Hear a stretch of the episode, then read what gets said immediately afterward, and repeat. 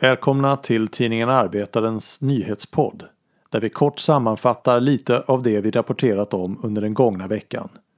Allt det här och mycket mer kan ni läsa om på arbetaren.se. Glöm inte heller att följa oss på Facebook.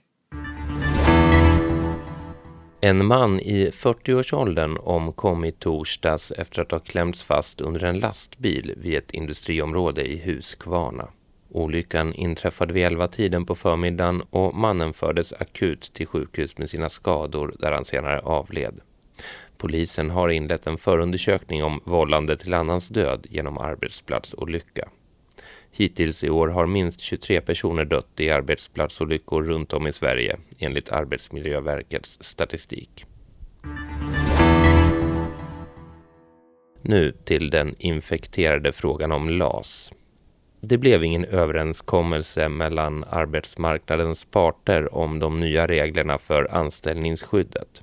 Nu lovar LO att göra motstånd mot regeringens lagförslag om inskränkningar i lagen om anställningsskydd och Jan-Olov Karlsson, ordförande i IF Metallklubben på Volvo lastvagnar i Umeå, har varit kritisk till att LO satte sig vid förhandlingsbordet.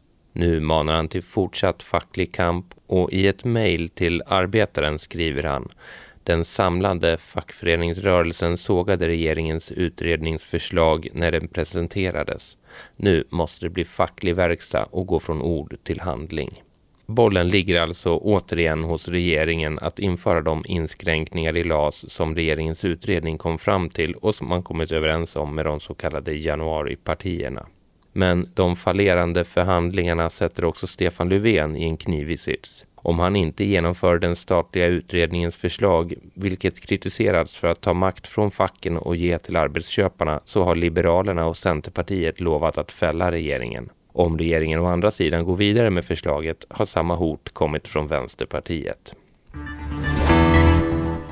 Och i veckan nådde den uppmärksammade hamnkonflikten Arbetsdomstolen.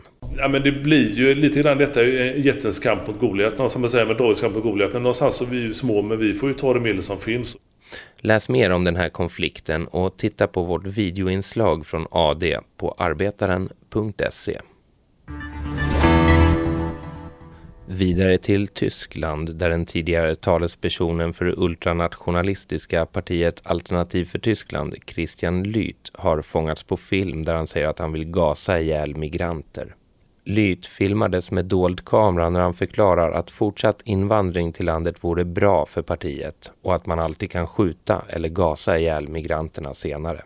Uttalandet har fått stor uppmärksamhet och i veckan petades han från sin anställning inom partiets parlamentsgrupp.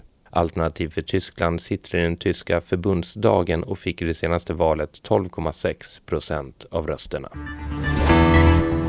Det fortsätter att storma kring Israels premiärminister Benjamin Netanyahu. I veckan röstade landets parlament genom en ny lag som med hänvisning till den pågående coronapandemin gör det i det närmaste omöjligt att demonstrera.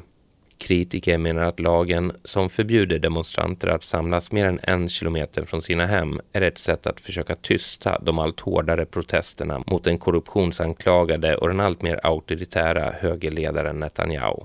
Själv säger premiärministern att lagen på inget vis är politiskt motiverad utan hänvisar istället till pandemin som slagit hårt mot det israeliska samhället. Och nu sista ordet med Annie Hellqvist.